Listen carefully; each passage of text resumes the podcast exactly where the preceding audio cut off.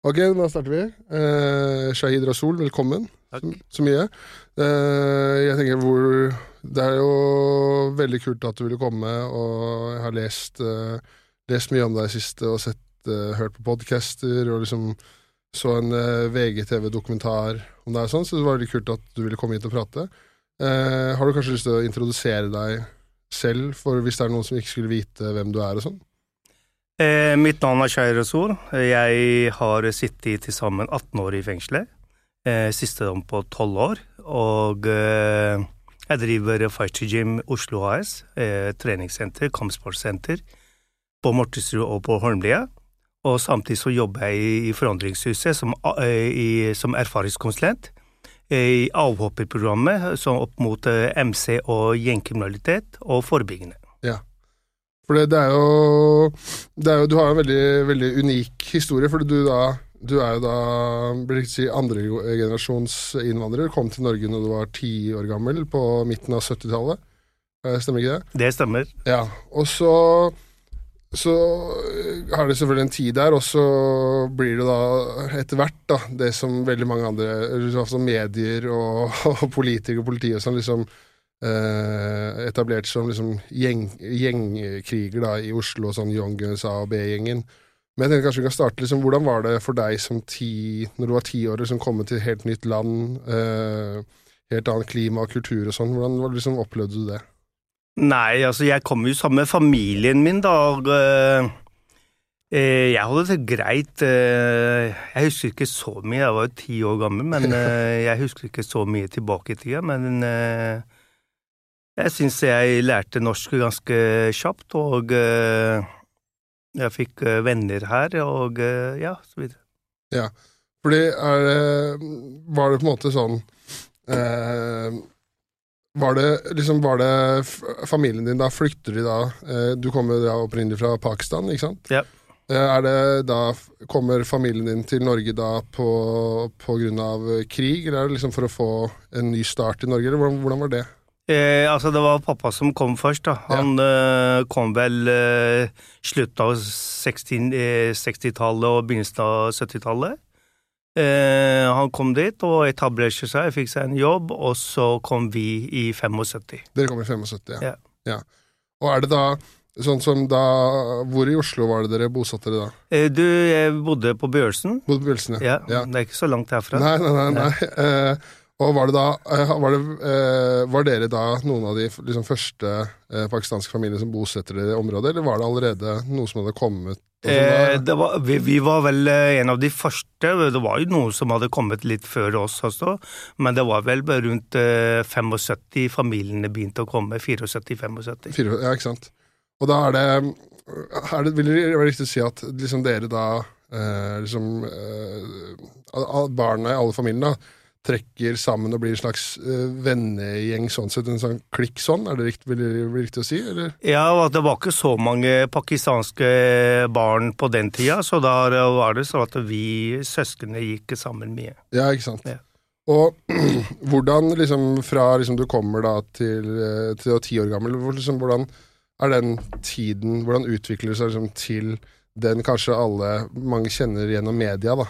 Ja. Eh, med for eksempel eh, den uh, gjengkriminaliteten og sånn som liksom, det har blitt skrevet mye om. Uh, hvordan er liksom veien fra du er ti år til dit, på en måte? Nei, altså det var uh, Altså veien dit, da, det var en lang vei, da. For at uh, det miljøet ble jeg kjent med på 80-tallet. Ja. På slutten av 80-tallet, midten av 80-tallet, slutten av 80-tallet. Og da hadde jo jeg blitt over 20 år. Ja. Så, så før det så hadde ikke jeg noen uh, tilhørighet til noen. Bare vanlig ungdom og barn. Uh, men på midten av 80-tallet, slutten av 80-tallet, så ble jeg kjent Jeg jobba som dørvakt i byen. Og uh, så fikk jeg et tilbud fra Oslo kommune til å innvise innvandrere med kampsport. Ja. Og jeg var par og 20 år, jeg syntes det var veldig stas at jeg ble spurt, og takka ja til den stillingen. Vi fikk eh, lokale på gamle politistasjon på Grønland. Ja, ok. Ja. Altså, da var jo det. gamle politistasjon på Grønland, liksom. Og, eh, og etter hvert så begynte noen journalister å ta kontakt med meg, og eh, jeg skjønte ikke helt hva de Det var snakk om bråk og slåssing nede i byen, men jeg forsto ikke helt, for jeg var helt ukjent med det. Men uh, i og med at de guttene som begynte å trene på gamle politistasjon, de var jevngamle med meg, pluss minus. Og uh, i og med at jeg jobba som dørvakt, så begynte de å komme på det utestedet. Ja. Uh, det var mest sannsynlig for at de kom ikke inn på andre utesteder. Det sier seg sjøl, det kommer 40-50 stykker på en gang av utlendinger, ungdommer, så slipper ikke utestedene. men jeg slapp dem inn. Ja, ja, ja. Og selv om jeg fikk streng beskjed å ikke gjøre det, men jeg slapp dem inn likevel. Og da kom det store puller, og uh, slapp dem inn, og de hadde det moro. Det var ikke noe tull. Uh, etter hvert så ble, ble, jeg mer og mer kjent. De trente hos meg, de kom på det utestedet. Etter ble, vi begynte å gå ut mer sammen på byen. Vi gikk og spiste utesteder og eh, begynte å besøke hverandre. De kom hjem til meg og sånn, og ble mer kjent. Og etter hvert så kom vi i klammeri med noen eh, folk i byen, og det var som vi kalte for rasister. Ja. Hvis vi hørte at noen bydeler hadde det problematikken med, rasistiske, med rasisme, så gikk vi der og rydda opp. Ja, ikke sant. Ja. Ja. For det, det, er jo Det ble veldig mye skrevet om uh, For jeg sitter og leser noen avisartikler og sånn. Det ble veldig mye skrevet om hva, uh, hva dere gjorde, og hva som var feil med dere. Men så er det liksom en annen side av historien som ikke er så fortalt. Da. Det var jo veldig mange, eller flere steder hvor det var i Oslo, i ulike bydeler, hvor blussa opp et slags nynazistmiljø. Er det ikke Det var det. Ja. Det var uh, På den tida så Bøhler var jo kjent, kjent sånt sted, og Stovner var kjent slik sted.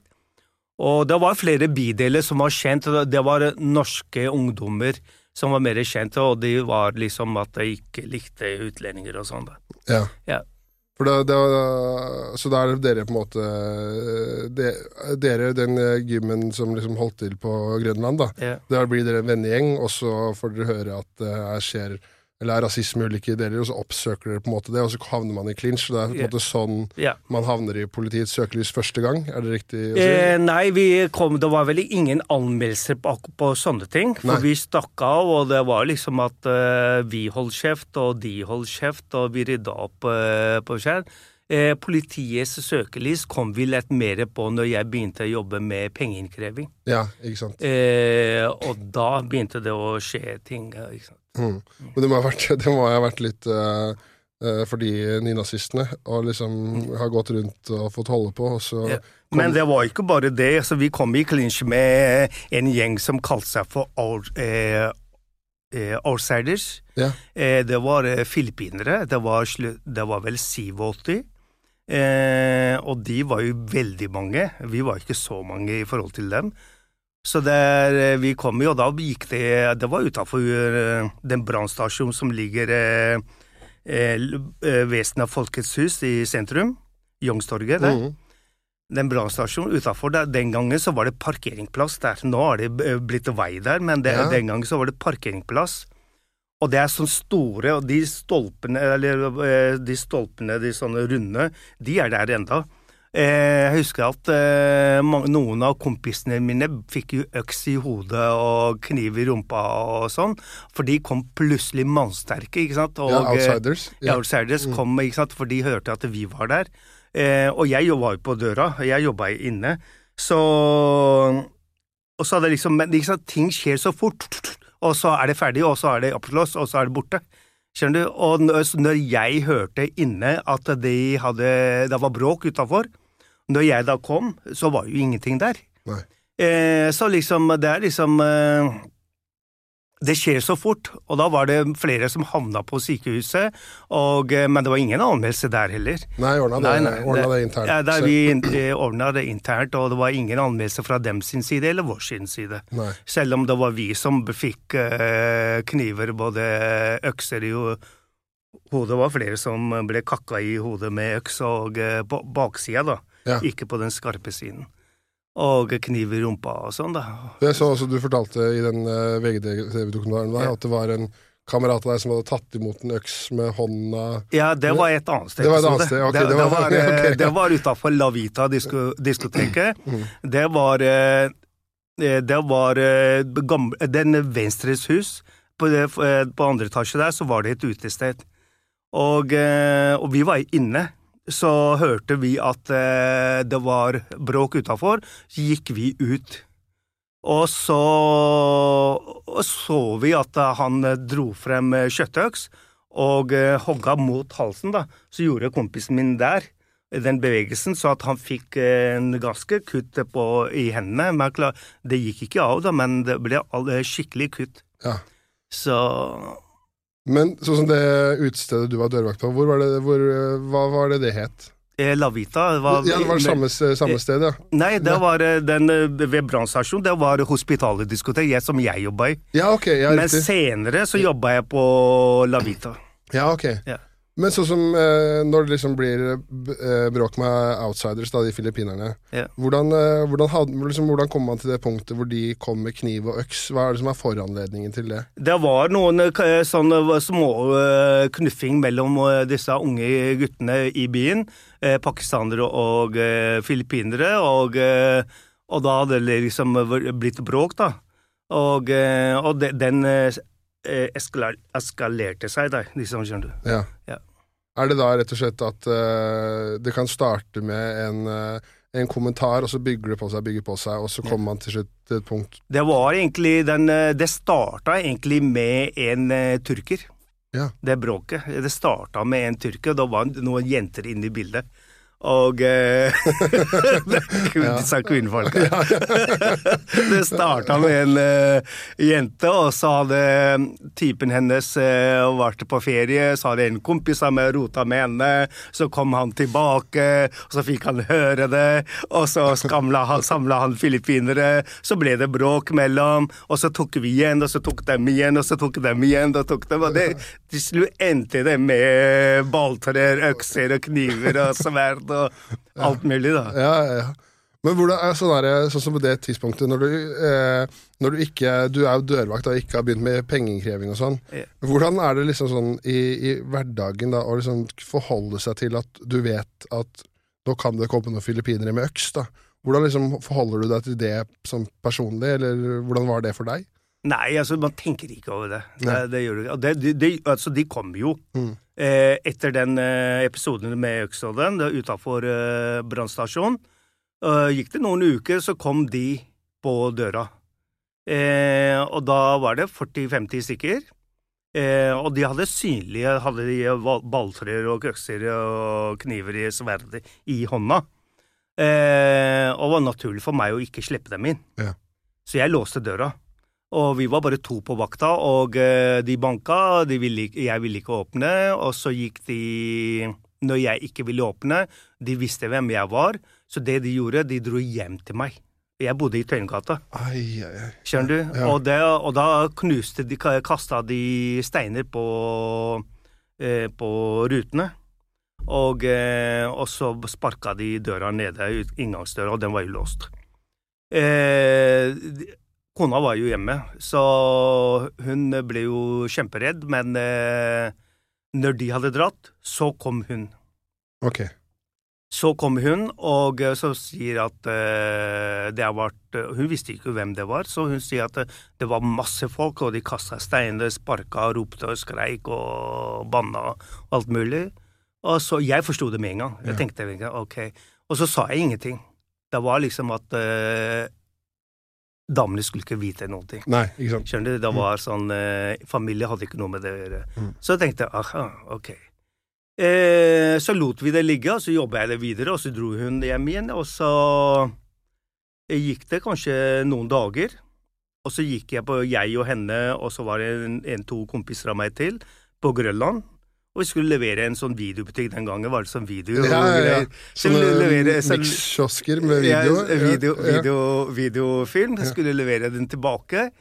Og så, under det Vi liker ved den brua der, Vaterlandsbrua. Eller, nei, det heter ikke vel Grønland. Der er det en bru. like Ja, over til når du skal bort mot Grünerløkka? Nei, Nei. eh, når du går fra Grønlandsleiret Ja, og bortover, og så går du mot eh, Brugata. ja, jeg stemmer. Og før det så er det, er det en brua der. Ja. Rett før den brua der, og så kom det masse biler, liksom fire-fem biler, og fullt av eh, filippinere. Og han, eh, det var en tyrker i spissen.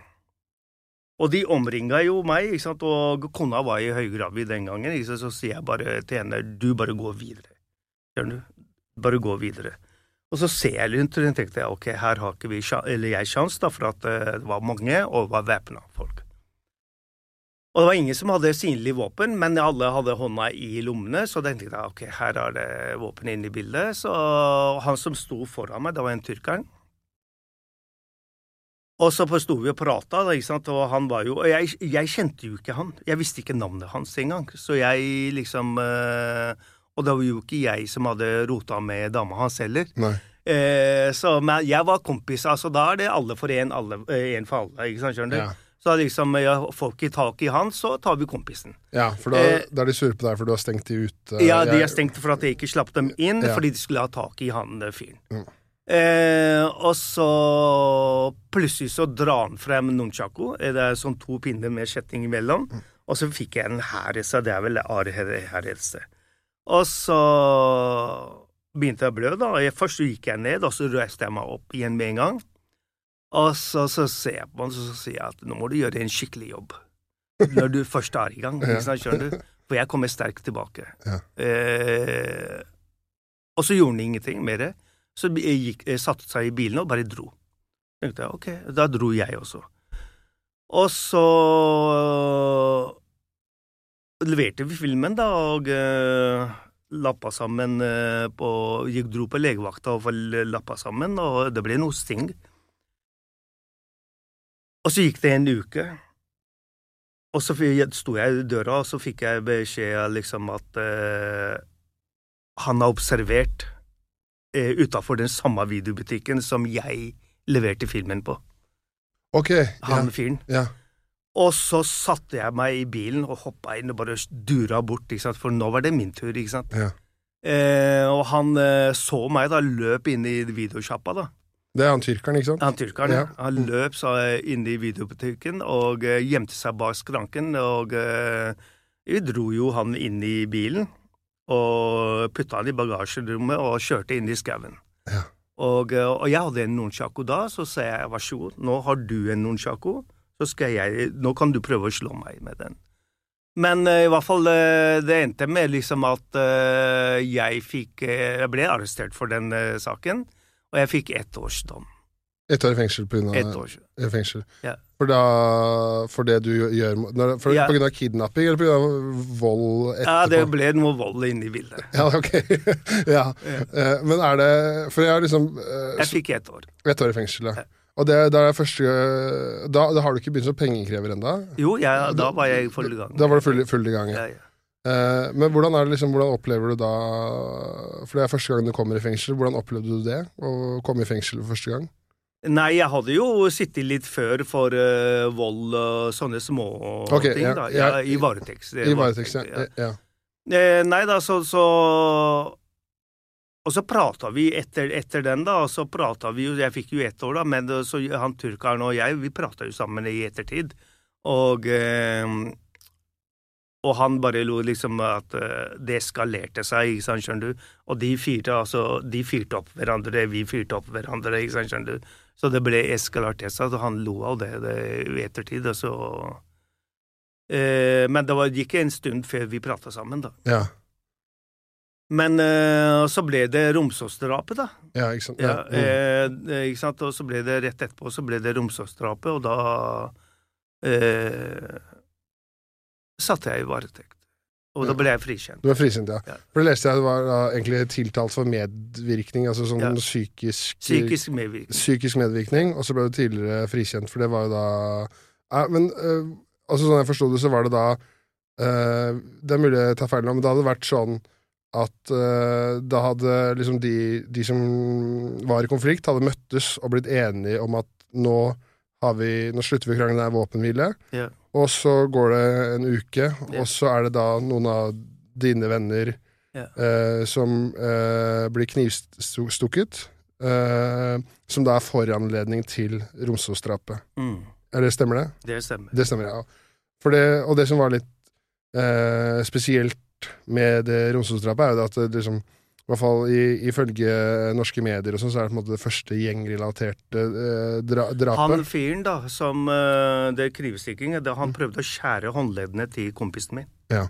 Og det er han samme fyren som tok øks ut av, eh, kjørte øks mot eh, halsen mot kompisen min som parerte. ja. Det er samme fyren. Ikke sant, det. Ja. Men det, for det, var, det, var, det som var litt eh, kanskje litt dumt med Rosestrappa, var at det var vel da broren Han som ble drept i det var broren til han du snakker om. Eh, yeah. Stemmer ikke det? Ja. Ja. Uh, og, men hvordan er, det, hvordan er det liksom For da har du liksom vært uh, tiltalt og kanskje sittet inne for noe vold og noe mindre ting tidligere. da. Men hvordan er det hvordan er følelsen å bli tiltalt for medvirkning til drap? Altså, hvordan Var det noe eh, Var det noe spesielt, eller hvordan følte du på det, eller? Jeg tror ikke at uh, den drapet, den uh, tror jeg ikke noe å prate om, egentlig. For at det er eh, lang tid tilbake, og jeg vil ikke si noe mer enn det at uh, Gå videre. Nei, Altså, jeg skåler familien med noen andre mer detaljer der. Men som, for å gå litt tilbake i tid, da. Mm, når du er, du er dørvakt og jobber på ulike sted- utesteder i byen, hvordan, hvordan kommer du inn i, i Hvordan begynner du å jobbe som pengekrever? Hvordan er det det skjer? Nei, altså, jeg fikk jo tilbud da, av eh, For at det var jo eh, noen oppsøkte meg og spurte at, sa at, liksom at vedkommende skylder han penger, vil ikke tilbake. Og eh, så gikk jeg og prata med han, og så sa jeg at jeg vil ha noe eh, for det. Og så prata med han, og så leverte han de pengene. Og jeg gjorde, gjorde ingenting, bare bare prata med han. Jeg syntes det var jo så lett, tenkte jeg. Ja. Og jeg bare prate ordentlig med han, og så levere de pengene. Og den gangen så følte jeg at det var lett lettjente penger. Ja. Og Men- da start, bare starta det seg. Det var sånn det begynte, ja. Men er det da sånn at eh, Er det da for eksempel kan det være da en person som skylder venner av deg penger, og så tar vennene dine kontakt med deg og sier Shahid, eh, kan du ta et oppdrag for oss? Ja. Og så går det Kjente, bekjente, ja, alle tar kontakt. Eller ukjente. Men var det sånn på det tidspunktet for eksempel hvis jeg uh, hadde noe utstående gjeld hos en person, kunne jeg ta kontakt med deg, og så fiksa du det? Ja. Ja, ikke sant? Det var så det var ja, kjente, bekjente, ukjente. Ja, ikke, ikke sant? Ja. Eh, men uh, sånn som så første gangen da, hvor det går uh, Hvor det da er lettjente penger, det går uh, veldig lett. Men jeg må jo se for meg at det også etter hvert har bydd på en del utfordringer, utfordringer også, eller? Mm. Altså sånn hvordan Hvordan skal jeg si det? Altså, var det Hvis første gangen føltes veldig lett, da, var det noen ganger du følte at det ikke var så lett tjente penger, da? Altså sånn eller, nei. Nei. Det var bare så, sånn det var på det, det tidspunktet? Ja, Ja. ok. Uh, og da er det For det, det jeg liksom lurer litt på, da, er sånn her Sånn som når man leser, da, så får man liksom et bilde av eh, medier, sånn som jeg vet at jeg har lest også at du er uenig og har fått støtte, litt støtte for uenighet blant f.eks. en eh, del advokater og sånn som har uttalt seg om sakene og sånn, av at det var liksom sånn uh, Ifølge norske medier og sånn, så var det liksom sånn Ok, der har vi eh, deg, da, en av lederne i Young Guns, da. Eller også var det A-gjengen, det var B-gjengen, det var Outsiders, som du sier, og så var det noe som het Killers, og så Furuset Bad Boys. og så var veldig mye sånn. Men var det på en måte Hvordan skal jeg si? Er, er, si for eksempel Joggens, da. Eh, sånn som Sett utenfra så virker det som en sånn Ok, her har vi da en, eh, en gjeng. Så er det en pyramide. Eh, noen er på toppen, og så under, under, under. Og så er det liksom sånne regler som man forholder seg til. Sånn, I hvert fall det bildet man får av media. Men hva vil du si realiteten egentlig var? Det var en venneflokk. Det var venneflokk, ja. Det var en venneflokk, det var ikke noe gjeng, og det var ikke noen pyramide der. Alle var ledere, alle var venner. Ja. Det var jo De har jo fremstilt det som gjeng og lederskap i rest- restlokalene. Og jeg har jo sett i, i media at eh, hver gang noen blir arrestert i gjengmiljøet, så ser de eh, en av lederne. Og da jeg stilte s- dommeren spørsmål hvis alle som blir arrestert, er en av lederne, hvor har vi medlemmer og løpeguttene? Ja. Skjønner du? Ja. Så det er liksom en taktikk politiet bruker bare for å få dømt eh, kraftigere. Liksom, Oi, her har vi noe med lederne å gjøre. Eh, lager en propaganda, en uh, skremselsbilde. Norges farligste mann, eh, liksom arrestert lederen for den og den gjengen, eh, styrer ditt og datt, nettverk, kriminelt nettverk og alt det der. Det er bare for å få påvirke domstolen og uh, for å få dømt mest mulig. Ja, vi leste også det at, uh, at det, du ble jo da omtalt altså På starten av 90-tallet omtalt som Norges farligste mann, ja. men så er det jo da Mm, nå, så, så, men det jeg syns er rart med det, da, er at da Jeg ville tenkt at Norges øh, farligste mann øh, vil være noe som har drept flere mennesker, da. Mm. Uh, men jeg vet ikke, var det, var det, rart å lese de avis... Eller sitter du da og leser avisene selv og er frustrert på hvordan det blir lagt fram, eller hvordan var det? Nei, altså, det blir, altså, tenker, altså Jeg vet jo hvordan politiet jobber. Mm. For ingenting overraska meg liksom, på den tida at, sant, at, eh, hva som kommer ut av politiet. Skjønner du? For, for politiet så gjelder det å få liksom, påvirke domstolene mest mulig. Skjønner du? Å være overbevist den dagen da en vedkommende kommer i retten, så vet dommerne liksom Oi, det er han, ja. Skjønner du? Han har jeg lest om. Og da har de allerede danna en bilde inni hodet. Liksom, han er sånn. Så hjelper det ikke for meg eller andre å fortelle eh, sin historie. Skjønner du? Ja. Historie har forskjellige sider, men da har de allerede danna en bilde av meg inni hodet sitt, mm. og den bildet er vanskelig å fjerne. Ja, for det må jo være noe Det er greit at man skal være altså, upåvirkelig og ikke Altså ikke la, la, seg påvirke. Men det må jo gjøre et eller annet med de som skal uh, uh, gi deg en straff eller dømme saken din, når de har gjentatte ganger lest om deg og ser at ok, nå skal vi, nå skal vi dømme Norges farligste mann. Mm. Og, det, det jo, og da har de allerede inni hodet og han er farlig. Ja? Skjønner du? Jeg husker at når jeg satt på Ullersmo, så var det en eh, journaliststudent eh, som skulle komme og besøke meg og ville prate med meg, for hun opp, eh, skulle ha sånn skoleoppgave. Og da hadde hun spurt advokaten min så Hun hadde spurt liksom Jeg vil gjerne prate med Shahid Rasul. Og så, så sier advokaten bare gå og besøk han, han sitter på Ullersmo. Og så sier ja, men er ikke han farlig? Skjønner du? Da, da har du allerede danna en bilde. Og da tenker man liksom Hvis en, en journaliststudent har det bildet, hvordan bildet har en uh, som skal dømme meg? Ja. Forstår du? Og det er ikke rettferdig dom da, man uh, gir, når man da allerede har en danna. Jeg husker altså en minister i Norge, jeg skal ikke nevne navnet, han var på en barneskole og så var det barn av noe, en kompis av meg, gammel barndomsvenn av meg. Barna hans gikk på den skolen.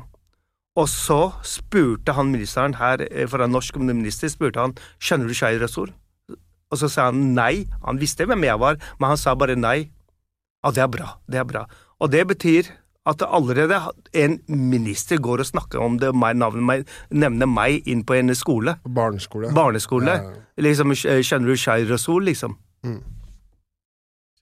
Men tror du det, det, det, Jeg føler kanskje at det må på en måte være da eh, roten for, eh, for, det var kanskje at det Vil du si at det var eh, I hvert fall den mediedekningen var så ny, da. Så det var kanskje ikke noe det, eh, noe det norske folk hadde fått på så nært hold før. Altså Kall det den der gjengkriminaliteten.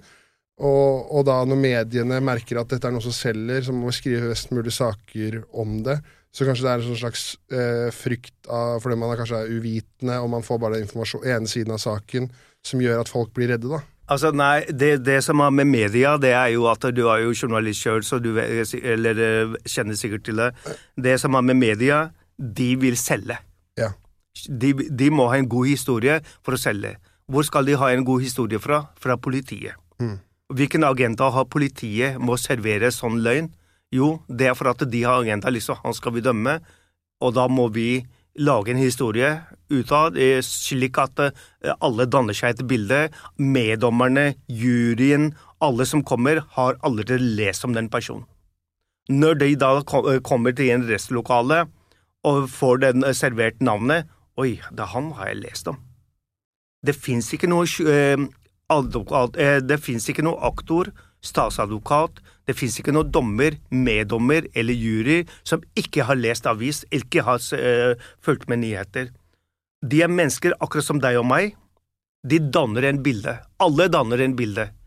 Uansett hvor profesjonell man er, alle danner seg Til og med minister som går og spør om navnet mitt på en barneskole, har danna en bilde av meg. Mm. Skjønner du? Ja. Så alle danner en bilde. Jeg så også den dokumentaren at eh, når uh, sønnen din skulle søke jobb, Ja. så fikk han også spørsmål om, Ja. om, om det var deg, du som var faren, og han måtte bare Ja. si nei på grunn av, for å sørge for at han Nei, det var ikke liksom at eh, Er det liksom eh, Rasul-familie? Liksom, eh, er det, ikke sant? Og så sa han nei. Ja. Men det han mente nei til, Mm. det var faktisk den andre Rasul-familien. er- Skjønner du? Ja, ikke sant. Det, det er da den Er det familien til Ja, jeg vil ikke si noe, okay. men nei, nei. liksom at han nevnte, mente den andre, skjønner du? Familien. At nei, han, han er ikke den familien. Ja.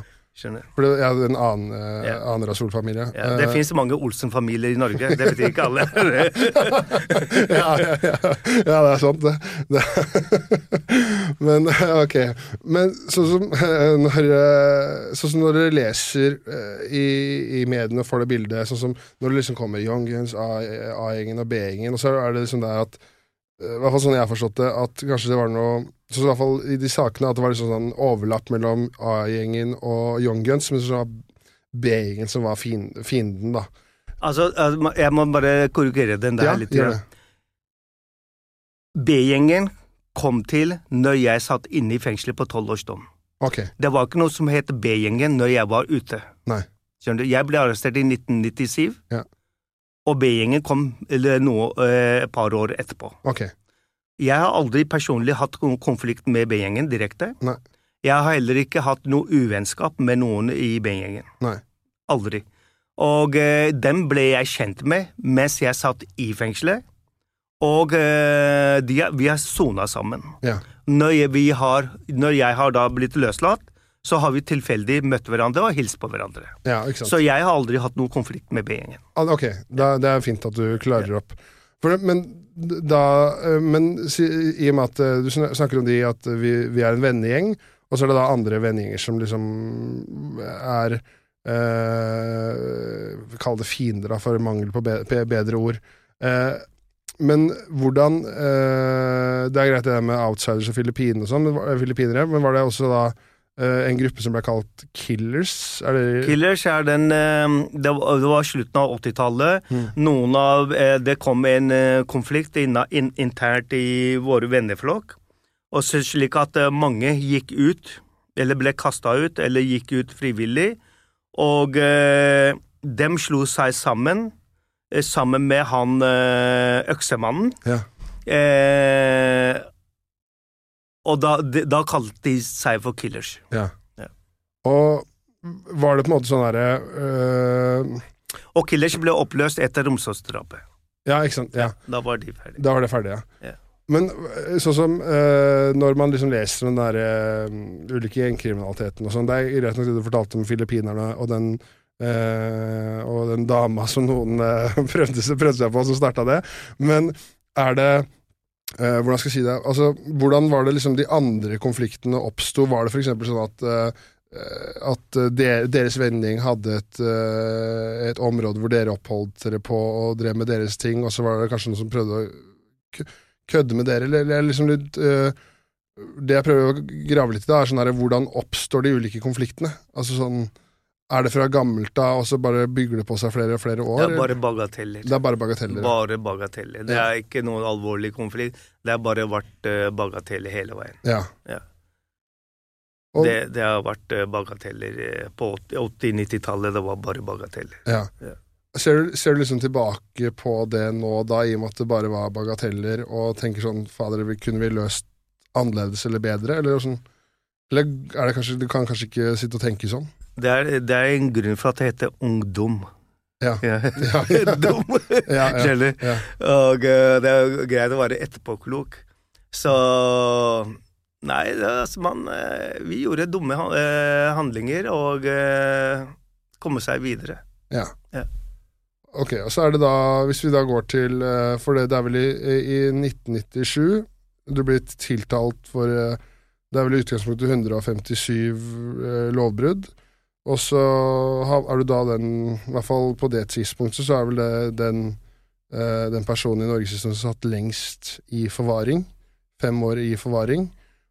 Eller Nei, eh, jeg fikk tol, eh, I tingretten så fikk jeg dom på tolv år og fem års sikring. Ja, fem år sikring. Ja. I lagmannsretten eh, så opprettholdt de opprettholdt i tolv år, fem års sikring, men jeg fikk ti år og fem års sikring. Ja. I Høyesterett så hadde de fjerna sikringen, så hadde de fått et nytt lovverk om forvaring, og da ville de ha 15 år forvaring. Ja. Eh, og Høyesterett fjerna forvaring, for, eh, ville ikke ha forvaring, og de fjerna sikringen, slik at tolvårsdom ble stående. Mm. Men når det er sagt, så kan jeg også si det fins ikke noe tekniske bevis i min sak. Nei. Det fins ingen tekniske bevis i min sak. Det fins kun indisier i min sak. Det er kun vitner som er kjeltringer selv, som har kommet og fortalt om eh, liksom historier. Jeg mener at politiet har påvirka og lagd historier sånn at alle historiene ser like ut, og lager en ring rundt det. Det står i dommen, i tingrettsdommeren har skrevet hvis vi ser hver enkelt sak hver for seg, så er det ikke tilstrekkelig bevis for å dømme Shai Rasul. Men hvis vi ser samlet, så er det nok indisier til å dømme Shai Rasul. Ja. Skjønner du? Så det er, i teknisk sett så har jeg ikke noe bevis. Hvis en person kommer og sier at han har fått juling, eh, eller flere personer sier at de har fått juling med balltre i en time, da må det være noe bevi, eh, tekniske bevis som ligger, skal ligge til stede. Mhm. Og det må vel ligge noe blåmerke, noe brudd eller noe sånt. Og når det ikke ligger noen ting, så betyr det da har ikke det skjedd. Forstår du? Da har ikke det skjedd. ja, ja, ja. Og det, det er logisk, Mm. men jeg ble dømt likevel. ja. Skjønner du? Og når det kommer folk til meg, hjem til meg, og med våp, skytevåpen og balltrer, de kommer ikke for å hilse på meg med skytevåpen og balltre. Skjønner du? Ja. Og når jeg avvæpner dem, så anmelder de meg for ah, liksom at eh, de, de har fått juling. Mm. Skjønner du? Men så finnes det likevel ikke noe teknisk, tekniske bevis for at jeg har gitt dem juling. Nei. Men de innrømmer at ja, de kom med skytevåpen, Shai tok fra oss skytevåpen. Skjønner du? Men jeg ble dømt likevel. Ja. Men det, de ble ikke dømt for at de Hvorfor, hvorfor kom dere med skytevåpen hjem til han? ja, det er jo et eh, relativt godt spørsmål. Da. Ja. Skjønner du? Og det, det som var på den tida, jeg, jeg, det mediebildet var så sterkt på meg at eh, jeg var forhåndsdømt. Og politiet gikk jo ut eh, i media og sa det liksom at eh, ikke tenk på om dere har eh, bevis eller ikke. Bare anmeld Shahid Rasul. Bare anmeld. Vi trenger bare saker. Ja. Og, og det var liksom at liksom Få mest mulig, ikke sant. Skjønner du? Skrape alt, ikke sant. Altså, mm. Vi skal bare dømme han. Mm. Ikke sant? De trengte ikke, ikke noe saker. De kunne bare sagt ok, ferdig, vi skal ha han inne for tolv år. Og så fikk de En politimann sa jo det. Vi får det som vi vil. Ja. Og det stemmer jo. Han Ja. fikk jo det som han ville. Mm. Skjønner du? Og det, og den eh, dommen min i ting, tingretten, det var i blåkopi av, av eh, eh, statsadvokatens prosedyre. Ja. Skjønner du? Så egentlig så trengte ikke vi å sitte jeg, jeg trengte ikke å sitte i seks måneder i rettssalen. Da kunne vi spart de pengene. Norsk stat kunne spart de pengene, så kunne de bare dømt meg. For jeg visste at den, de skulle jo dømme meg, uansett om det er bevis eller ikke bevis, og det, var, det lå ikke noe bevis der. Men de fikk jo dømt meg likevel. Mm. Jeg leste at eh, det var jo da Du ble, vel eh, brukt til å statuere et eksempel også. Ja, men Det, ja, det, det er jo ikke sant, liksom, De skulle statuere eksempel, Ja. men da må de ha noen go gode tekniske bevis for å statuere eksempel. Mm. De kan ikke bare ta plukke opp en mann fra gata og si at nå skal vi statuere eksempel på deg, og så skal vi dø. Må vi statuere eksempel, da må vi ta eh, mannen til Erna Solberg. Ja, ja, Skjønner du? ja, Da har vi statuert eksempel at du skal ikke gjøre sånne ting. Nei. Da, da, da, for der ligger det tekniske bevis. For jeg leste også i, i, i Ikke noe sammenlignelig. Nei, nei, nei. nei. nei jeg, jeg forstår veldig godt hva du Ja, mener. Ja, ja, ja. Men uh, jeg leste også uh, i Om det var i, i tingretten, så kom det vel også fram gjennom da eh, For du hadde jo én advokat. eh, I tingretten så bytter du til eh, Elden i lagmannsretten og Høyesterett, stemmer ikke det? Nei, ja. jeg, jeg har aldri bytta noen advokat. Elden da, har alltid vært min advokat. Okay. Jon Christian Elden ble anmeldt i min sak. Ja, ok. Ja. Ja. Eh, og det var for at politiet brukte en taktikk for å fjerne han fra, som min advokat. Ja. Skjønner du? Ja. Og straks jeg Og så snakker jeg med Elden, og så, så sier han at eh, de vil ikke henlegge saken, og da er det vanskelig for meg å prosedere din sak. Ja. Kjøre din sak. Så du må bytte. Og da så sa jeg kom med forslag, så ble det liksom at diskuterte vi frem og tilbake, så ble det advokat Fridtjof Feit. Ja. Så da hadde jeg advokat Fridtjof Feit. Men jeg jeg, altså, jeg, jeg var egentlig ikke fornøyd med Fridtjof Feit, for at det, det er Elden jeg var fornøyd med. Og eh, Så det var en taktikk politiet brukte for å fjerne advokat Elden fra min sak. Ja, ok. Ja, det er jo veldig Så de, de da de, og Det er jo veldig interessant. Altså, de tar da og en, ut en tiltale mot Elden. på- Ikke tiltale. Ok, de anmelder en sa, anmelder. Eh, jeg mistenker eller anmelder, husker ikke helt hva det Ja, ok. Men det jeg skulle fram til, var at eh, det kom vel fram da som eh, da Feide, din advokat Feide sa at at det kommer fram at det, de kunne spore telefonsamtaler som du ble eh, på en måte trakassert Folk som ringte deg fra skjult nummer og trakasserte Ja. deg, tilbake til politiet. Ja. Stemmer ikke det? Det stemmer, og eh, det, som, det var i 1996. Ja. Eh, og det som skjedde, det var at jeg starta Jeg hadde sittet i toårsdom, og så kom jeg ut, og så skulle jeg starte thaiboksing igjen eh, på Heslev skole. Og eh, da leide vi lokaler der. Og så fikk jeg plutselig Jeg skriver kontrakt, altså. Jeg begynte med markedsføring eh, av eh, gymmet. Og så fikk jeg plutselig eh, telefon fra rektoren og, og sa at vi må kansellere kontrakten pga. at eh, diverse. Og så kontakta jeg advokat Elden, og så ba jeg vi om et møte med rektoren. Og så sa jeg til Elden at Jon Christian, jeg har brukt mye penger på markedsføring, og jeg, det kommer til å bli mye tap for meg hvis jeg mister kontrakten her nå. Og så hadde vi møte, og så kom det frem at politiet hadde kontakta rektoren og sagt det var uheldig at jeg skulle få starte eh, thaiboksing der borte. Og eh, litt frem og så tok Elden det opp med politiet, og så nekta jo politiet for å Nei, nei, de har ikke tatt noen kontakt. Og så, så sier eh, tok advokaten kontakt med rektor igjen og spurte navnet på vedkommende som hadde tatt kontakt i politiet. Så fikk vi navnet på det, og, eh, og det var en fra etterretningen som hadde tatt kontakt eh, i, på Grønland. Og da tok han eh, Jon Christian og skrev til politiet at hvis dere har vanskelig med å finne folk i deres egne rekker, så her er navnet, og her er enheten han jobber i. Skjønner du? Ja. Og, eh, og da ble det stille fra den eh. Men det var en annen episode også. Det var at eh, jeg fikk telefon fra eh, Telefon, liksom Bare ringte 'Hei, skulle ikke du møtes der og der?' Og så liksom 'Hæ, hvem er det?' Og så når jeg da ringer tilbake på det nummeret som kom på displayen, det var Majorstua politikammer.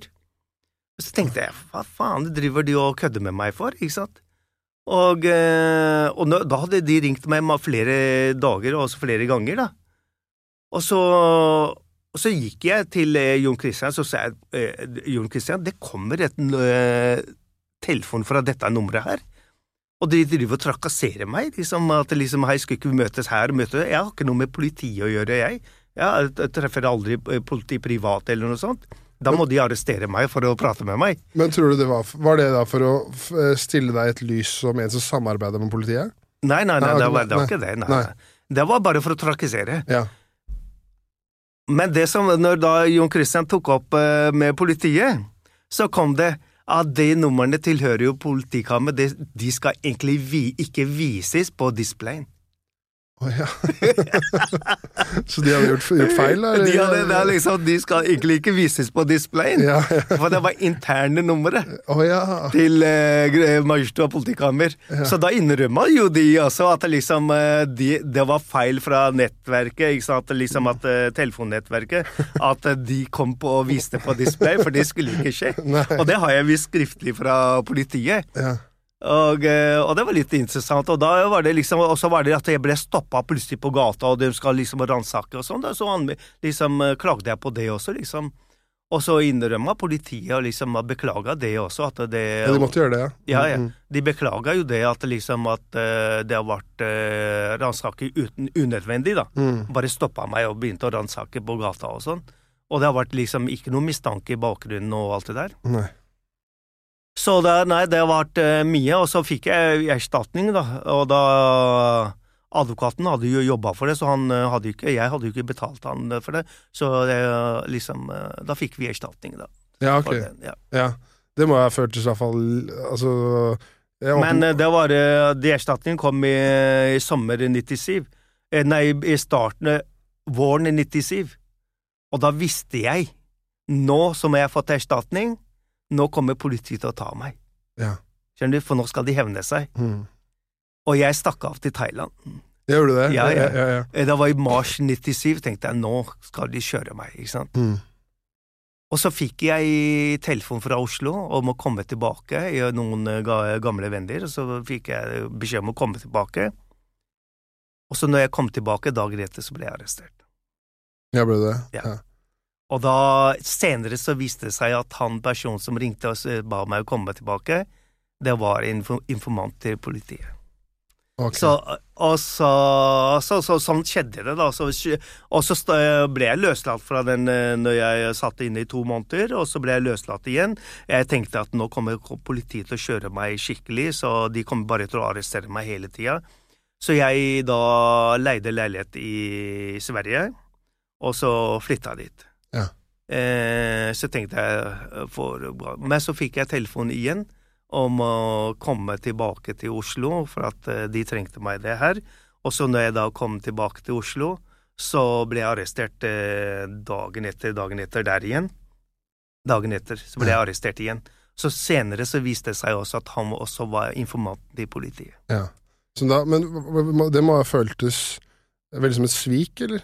Altså sånn, Hvis det var da noen som liksom var venner Som skulle være venner fra gammelt av, Ja, ja. som liksom lurte deg da Ja, til å komme, til, til å komme tilbake? Det var, eh, altså det var jo Stort sett hele saken min, min var jo bygd på at min eh, eh, Min miljø og mine nære venner svikta meg. Ja. Det fikk jo ikke jeg vite før lang tid etterpå, da, men at jeg da ble svikta. Ja. Det var mye informant uh, i min eh, miljø. Ok, ja. Mm. Underbord. ja. Men sånn som det, Før vi går eh, til, det, eh, til eh, den tiden i fengselet, men sånn som, sånn som du forteller eh, Sånn som ble tatt opp i, i, i, i saken din, da, for eksempel om at eh, det kommer folk til deg med, med våpen, og så avvæpner du de, eh, og så er det du som eh, Altså er det på en måte en sak som blir bygget av deg av det. Ja.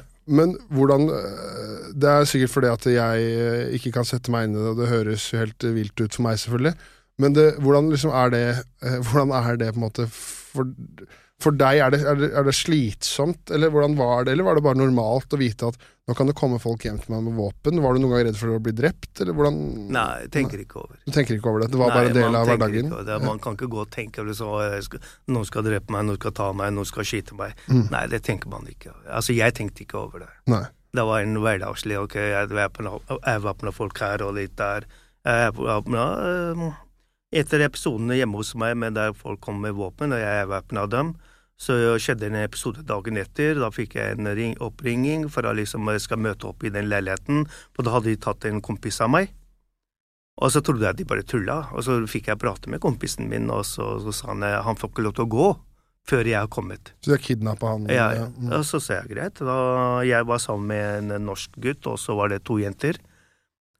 Så jeg satt i drosje, og så sa jeg bare til drosjesjåføren bare kjør til den adressen.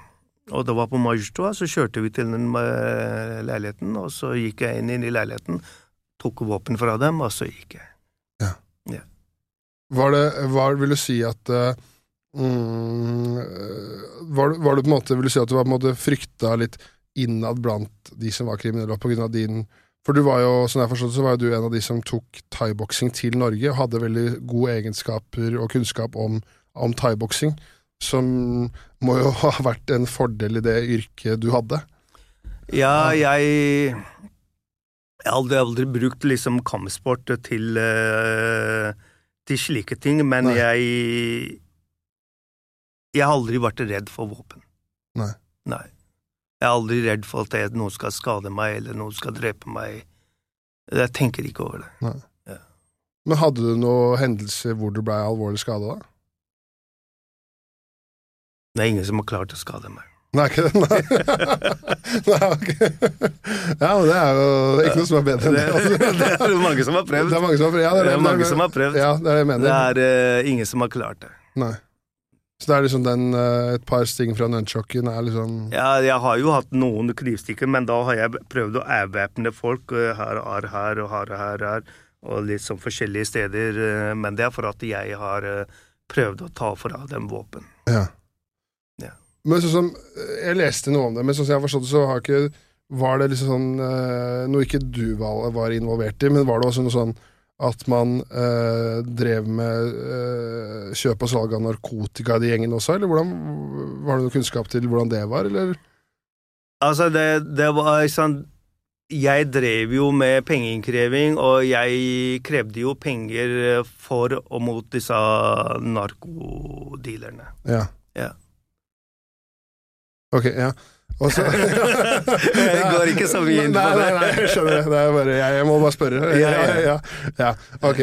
Så det, så det, det, så det er bare sånn, ha det rett, da. Det er ikke noe du er involvert i, men det er på en måte en del av det kriminelle miljøet i Oslo. Det er det. Ja. Altså Når du driver med pengekreving, så er det, krever du inn både hvite penger og svarte penger. Noen bare krever hvite penger, i hvert fall den gangen. Altså, så noen tok også svarte penger. Men de som blir mest arrestert da, det er de som også tar svarte penger. For at svarte penger kan ikke dokumentere, og da sier de som regel at, liksom, at han presser meg for penger. Utpressing. Ikke pengeinnkreving. Ja, for de kan jo ikke si- Ja, for da havner For, de og også jeg kan ikke si at det var narkopenger, og de kan ikke si at det er narkopenger. ikke sant? Ja. Det, men hvordan er det Er det Det er greit nok at det er eh, Det er filippinere, det er pakistanere og sånn, men det er vel også inni, inni miksen her, blant pengekreving og forskjellige ting, og så er vel også eh, Kall det etnisk norske i form av f.eks. motorsykkelgjenger og, og, og sånn også. Er det, var ikke det riktig å si det òg? Eh, hva da pengekrevere fins i alle miljøer. Ja. Ja. Men har, er det noe sånn kontakt mellom eh, Jeg vet ikke om du kan snakke om det, men sånn, har dere noe forhold til for eksempel eh, Hadde dere noe forhold til eksempel Hells Angels og, eller Bandidos eller noe sånt? Eller? Jeg går ikke inn på noen, men du, eh, inn på noen eh, MC-gutter eller gjenger. Men det jeg kan fortelle deg, at eh, jeg hadde kontakt med stort sett alle pengeinnkrevere, uansett hvilket miljø de kom fra. Ja. Ok, ja, men det, det er fair. Ja, Ok, ja. Eh, ok, men skal vi, da kan vi jo gå til uh, når den endelige dommen faller i 2002, er det vel? Uh, blir dømt til Høyesterett. Da liksom har vi vært igjennom at uh, det ikke egentlig var noe beviser, men liksom totalen av indisier og liksom Politiet fikk det som de ville. At da blir du vel da dømt for det er 108 lovbrudd eller noe sånt. Ja. Ehm, og det er da Er det da den første perio lange perioden du har i fengsel? Er, ja. Ehm, Tidligere så har det bare vært svingdørsdommer, nå var det en ordentlig dom. ja, ok. Vært inne og tatt en prat, og så ha det bra.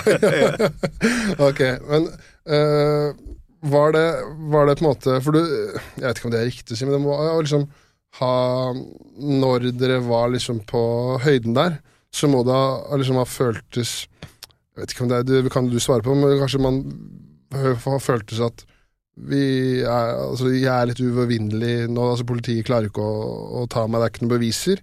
Og så kommer den eh, Kommer den beskjeden, det er tolv år. Er det en dør som på en måte smeller deg i trynet da, eller hvordan opplevde du det? Eh, jeg må ærlig innrømme, jeg trodde aldri at jeg skulle få tolv år. Nei, ikke sant? Nei. Fordi at eh, jeg visste at det lå ingen tekniske bevis. Mm. Eh, jeg Jeg var ganske sikker på at når det ikke foreligger tekniske bevis, så er det også rett, eh, rettferdig å ikke dømme til eh, noen dom.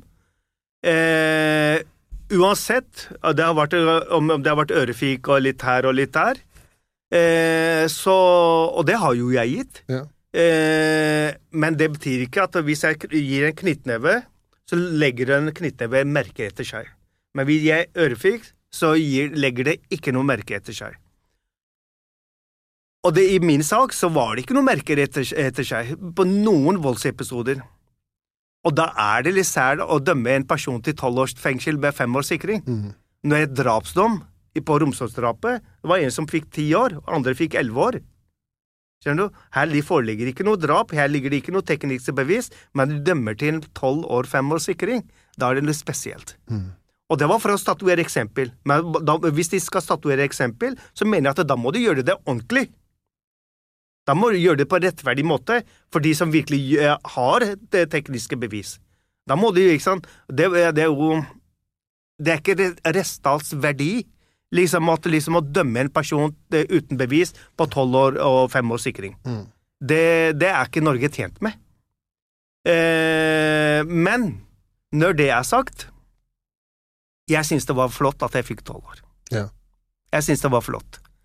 Fordi at eh, det dommen, selv om jeg ikke er enig i Jeg syns det var så fantastisk, fordi at etter tre år så klarte jeg å komme ut av den bobla som jeg levde i.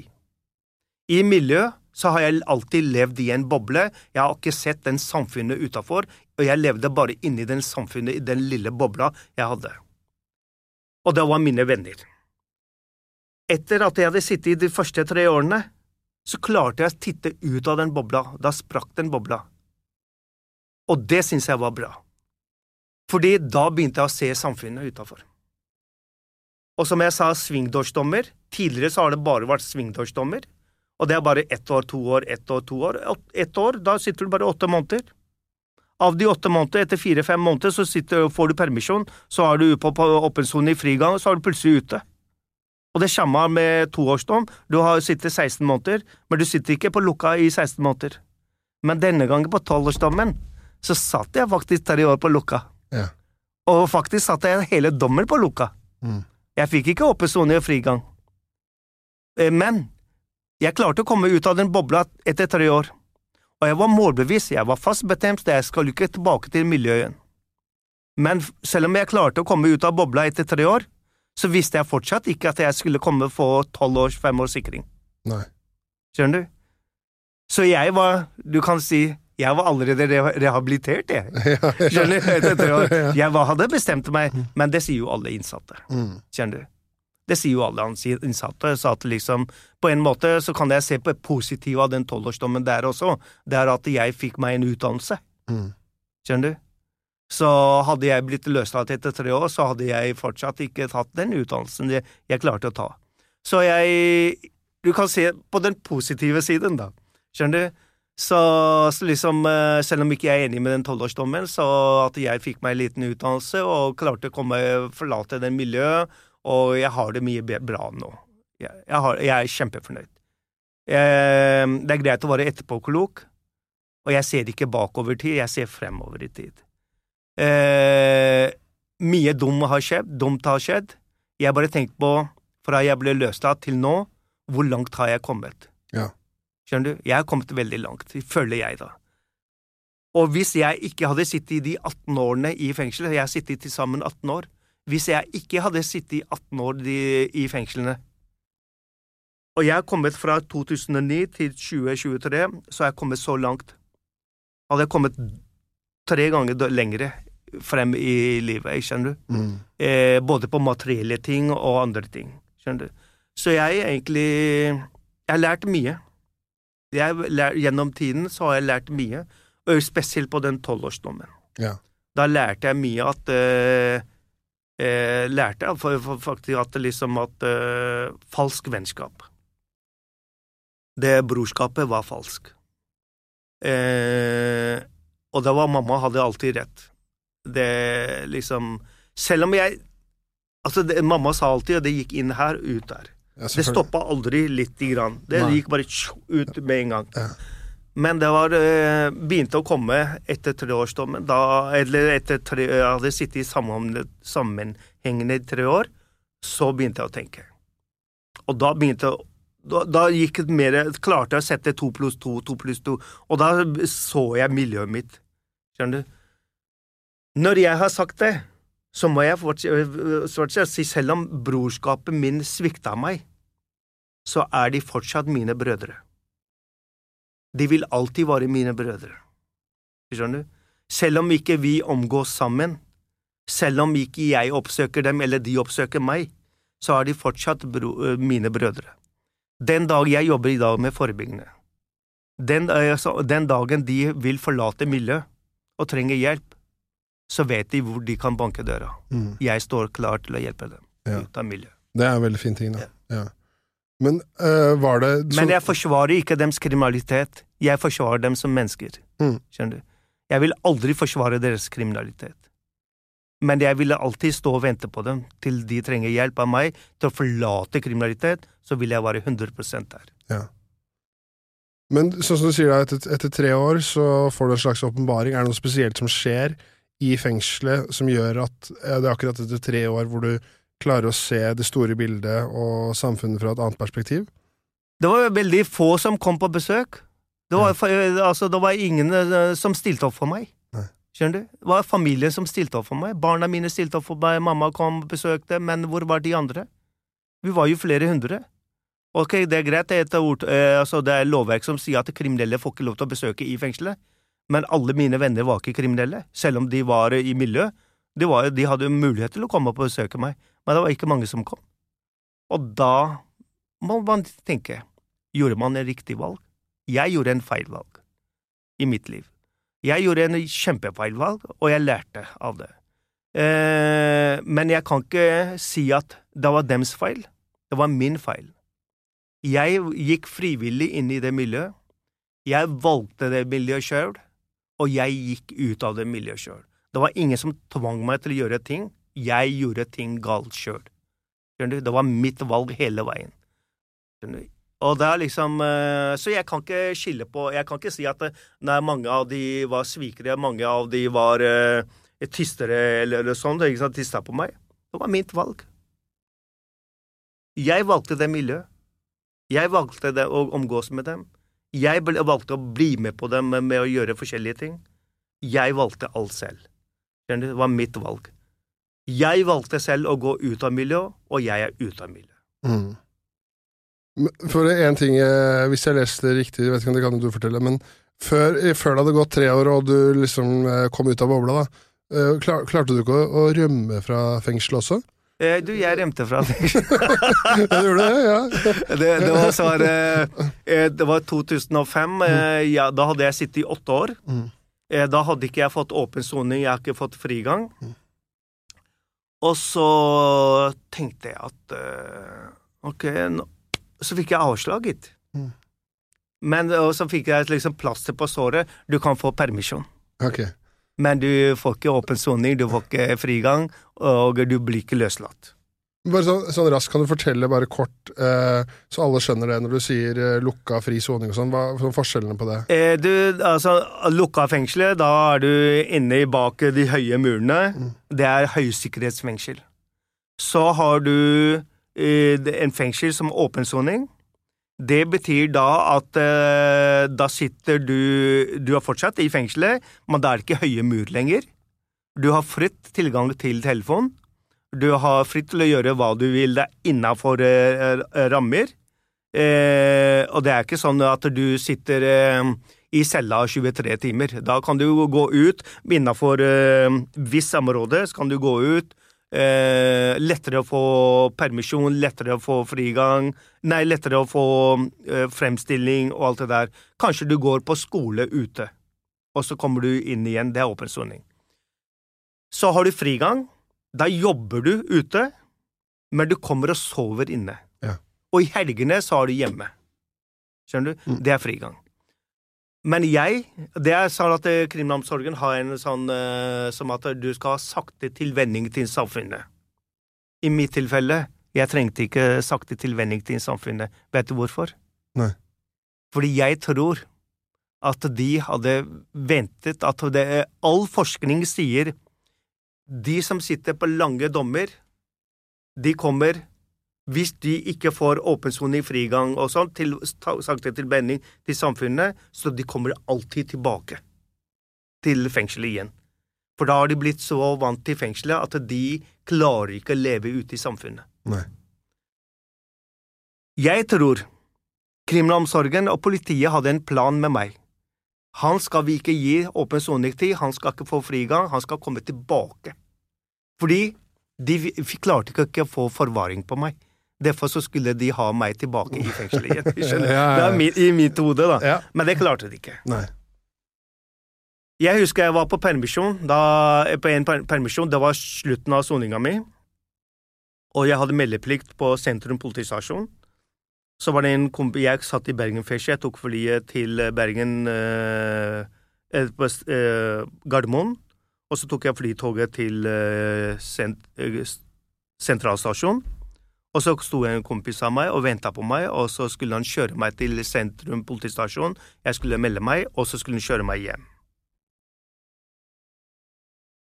Og det, det skjedde på den samme måte. Men når vi kom utafor Sentrum politistasjon, stasjon, så så jeg to spanere, politispanere. Så sier jeg til kompis, der står spaninga. Så sa han, ja, det stemmer.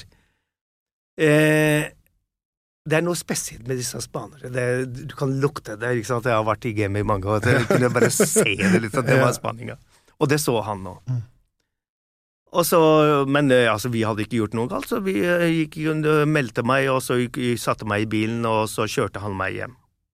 Når jeg kom tilbake til fengselet, så lå det et brev til meg i eh, liksom Jeg var innkalt til avhør, og liksom what?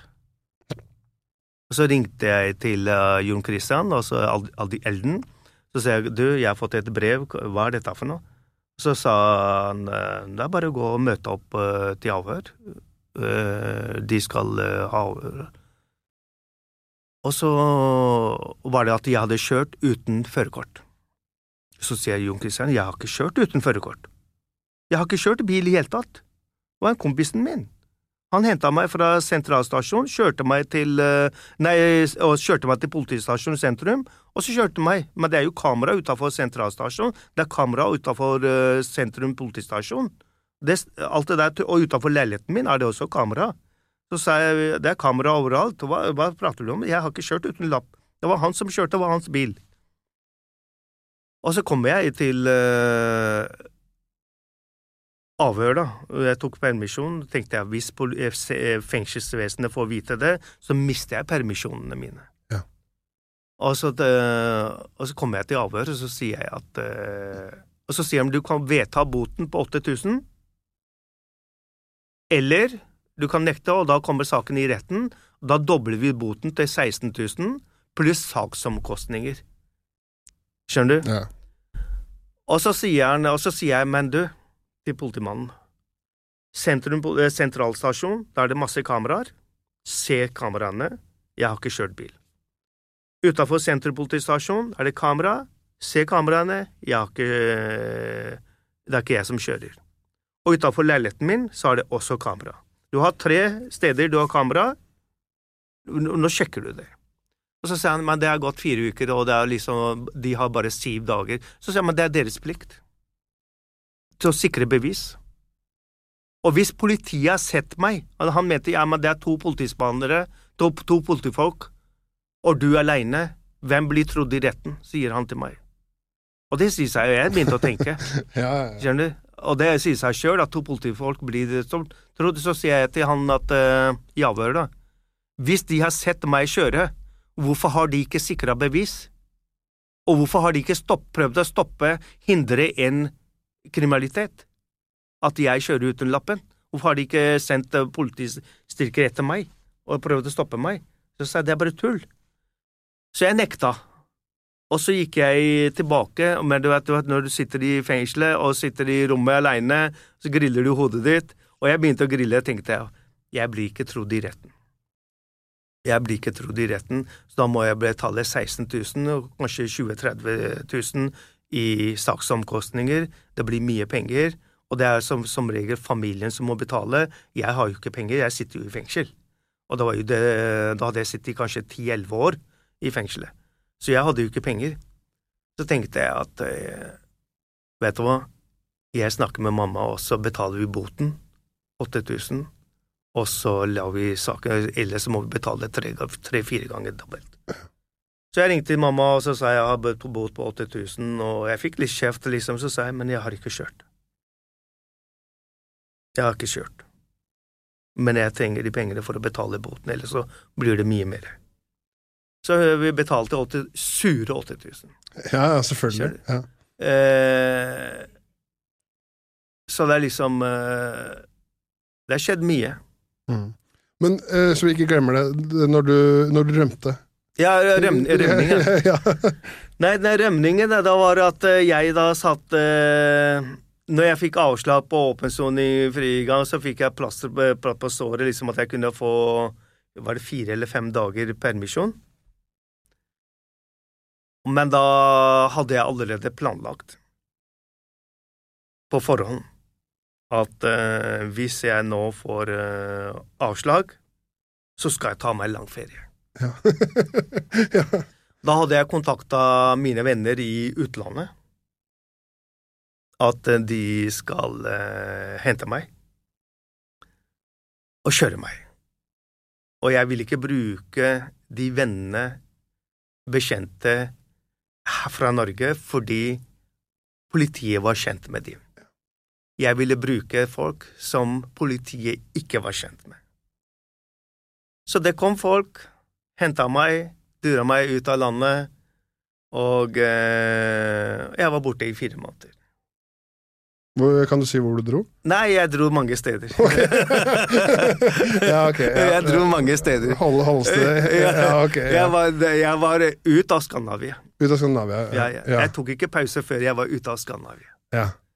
Men altså sånn eh, Nå vet jeg ikke hvor mye du kan si der, men sånn Ok, du får da fire dagers fri, men så har du liksom planlagt en, en, en rute.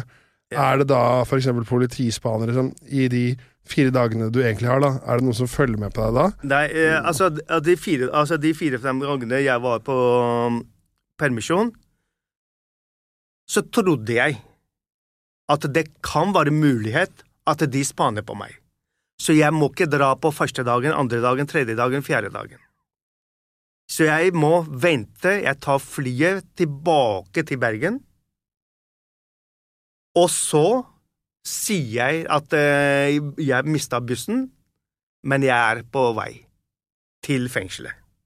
Jeg tenkte inni hodet mitt, hvis jeg er spanna på, så vil de se at jeg tar flyet nå tilbake til Bergen fengsel. Og da avslutter de spaninga. Så jeg tok flyet tilbake til Bergen, så hadde jeg bilene mine klare der borte. Ja. Jeg satte meg i bilen, og da ringte jeg til uh, at jeg mista bussen, og det er for å kjøpe tid til å komme meg vekk fra området. Og vi brukte ikke mange timer før vi var ute av, Sverige, eh, ute av Norge. Nei. Skjønner du? Vi, vi, vi, vi kjørte. Ja. Da kjørte vi virkelig. Mm. Du dura bortover, og, eh, og vi var ute av landet ganske kjapt. Ja. Og dermed så var det av med telefonen og av med kortet, kaste kortet, telefonen vekk og alt mulig, og fikk ny telefon i bilen. ja, ok. Så det var nøye, det var nøye planlagt. Altså, Ja. det, ja. Og så, Men det avslutta ikke den rømningen min. Den, eh, jeg var i Norge fire-fem ganger. I løpet av den tiden? Ja, ja, ja. ja Okay, jeg var ja. i Norge. Og så ble jeg arrestert en gang. Å ja. I Danmark. Ok, for da har de satt Interpol på saken? Ja, ja, ja, jeg var eh, etterlyst Interpol. ja. Og det, det kom jo i avisen også. Mm. Jeg husker at jeg, vi kom eh, Vi hadde kjørt eh, fra Nederland og til Tyskland, og så inn i Danmark, og så var det kontroll der. Ja. Og jeg hadde ikke legitimasjon. Og så, men jeg, jeg, jeg, visste, jeg, jeg var iskald, da. Og så ble vi stoppa, og så var det vi tre stykker i bilen, og så Alle de hadde jo legitimasjon, og jeg lata som jeg hadde vondt i tanna. jeg satt der og alle sa 'han har vondt i tanna'. og så sier de 'nei, eh, passet'. Legitimasjon, og så, så sier jeg 'har ikke'. 'Har ikke, liksom. Jeg har ikke det. Ikke snakk med jeg har vondt i tanna'. og så tok de meg også ut, da. Og så Og da var det greit med de andre, men de ville ha meg i- ikke sant, passet, og da var de fast bestemt. Tenkte jeg ok, så tok de meg inn på stasjonen, og jeg var livredd, tenkte jeg, faen, nå skal de ta fingeravtrykk, og så finner de ut av hvem jeg er. Og jeg gir dem navnet mitt, jeg gir dem fødselsdatoen min, personnummeret mitt, adressen min, men alt det var til kompis av meg, Ja. som ikke var straffbart. Ja. Og, eh, og så visste jeg at han har fint rulleblad. Og så fikk de ikke tak i, eh, tak i for det var jo på kvelden, eh, sent på natta. Og så måtte de ha meg dagen etter, for de ville ha svar fra politiet i Norge. Så dagen etter så ble jeg i løpet av natta så ble jeg fremstilt i dansk ting, tingrett og eh, liksom ha 20, meg 24 timer, da. Så ble jeg plassert i en fengsel. Og så ble jeg innkalt i avhør. Og så kom det, husker jeg, det kom en faks fra Oslo politikammer. Da kom det, så sto han der. Og jeg visste kompisen min hadde hår, og jeg var barbert. Så, så, jeg, og så begynte jeg å le. Og så sier jeg ja, på bildet har jeg sikkert masse hår, sier jeg.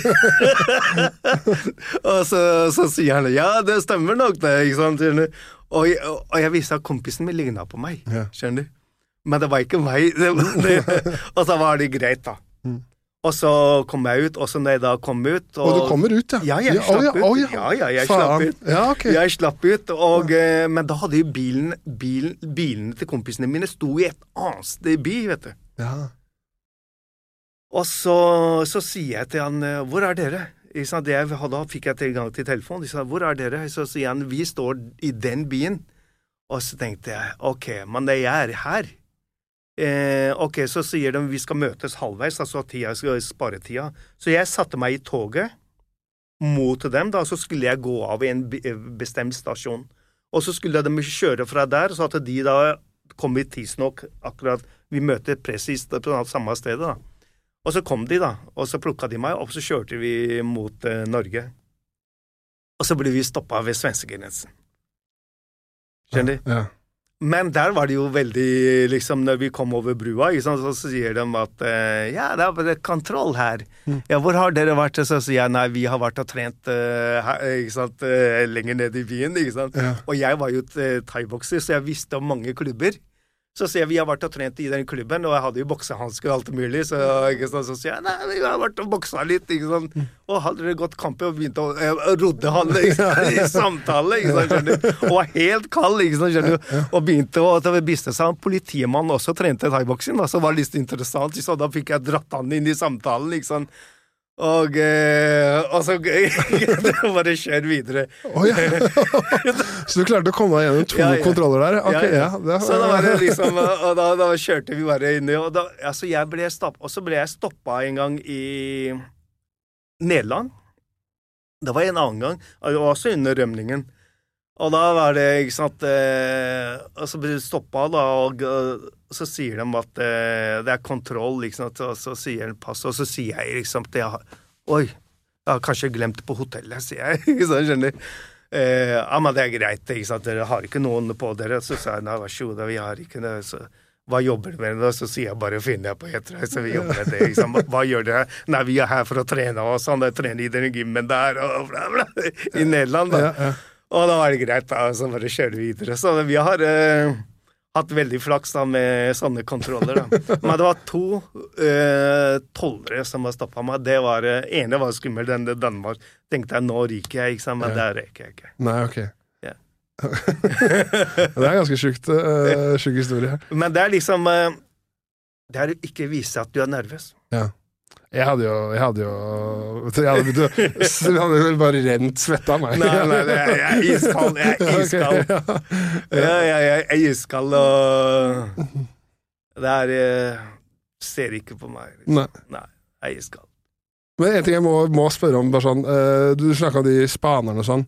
Var du Var liksom uh, Fordi jeg har sett en annen dokumentar på NRK uh, som også handler om gjengkriminalitet i Oslo.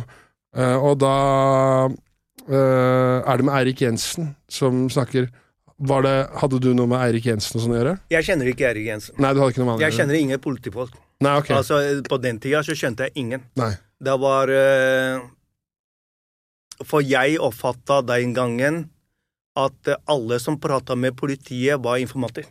Ok. Og uh, man må alltid så jeg, Den gangen så tenkte jeg alltid man velger en side. Jeg var på den andre sida, politiet på den motsatte side. Skjønner du? Så jeg så politiet som fiende, men i dag, nå som jeg driver med forebyggende, Så, så ja, kjenner jeg en del eh, politifolk, men det betyr ikke at jeg er informant, men at jeg kjenner politiet fordi jeg jobber med forebyggende. Mm. Og så bare én Jeg vet ikke om eh, det er noe du vil snakke om, men bare det, gjorde, eh, det var et som inntrykk på meg i den dokumentaren, da, i den tiden du er i fengsel, som jeg liksom fikk oppriktig vondt inni meg, vondt av deg òg, var jo Du hadde jo utrolig tragisk hendelse når du er i fengsel, eh, når du har jo da eh, en datter Mm. som havner da i en, i, en, i en bilulykke og dessverre går bort da mens du er i fengsel. Og under begravelsen så tok de ikke av deg håndjernene Ja, det stemmer. eh, håndjernene engang. I utgangspunktet så ville jo ikke de fremstille meg. Nei. De ville ikke fremstille meg, og eh, når de da ble overtalt av advokaten min til å fremstille meg, så bestemte de at de skulle fremstille meg med håndjern. Men dette, at de har fremstilt meg med håndjernet, det har statsadvokaten beklaget i Høyesterett. Og de har det? Ja, ok. de har eh, beklaget. Politiet har ikke gjort det, men statsadvokaten ble stilt det spørsmålet. Og da la hun seg helt flat eh, og beklaga det. Og, eh, men skaden hadde jo skjedd. Selvfølgelig. Jo ja. Du kan ikke beklage i etter liksom at jeg beklager at jeg har gjort det.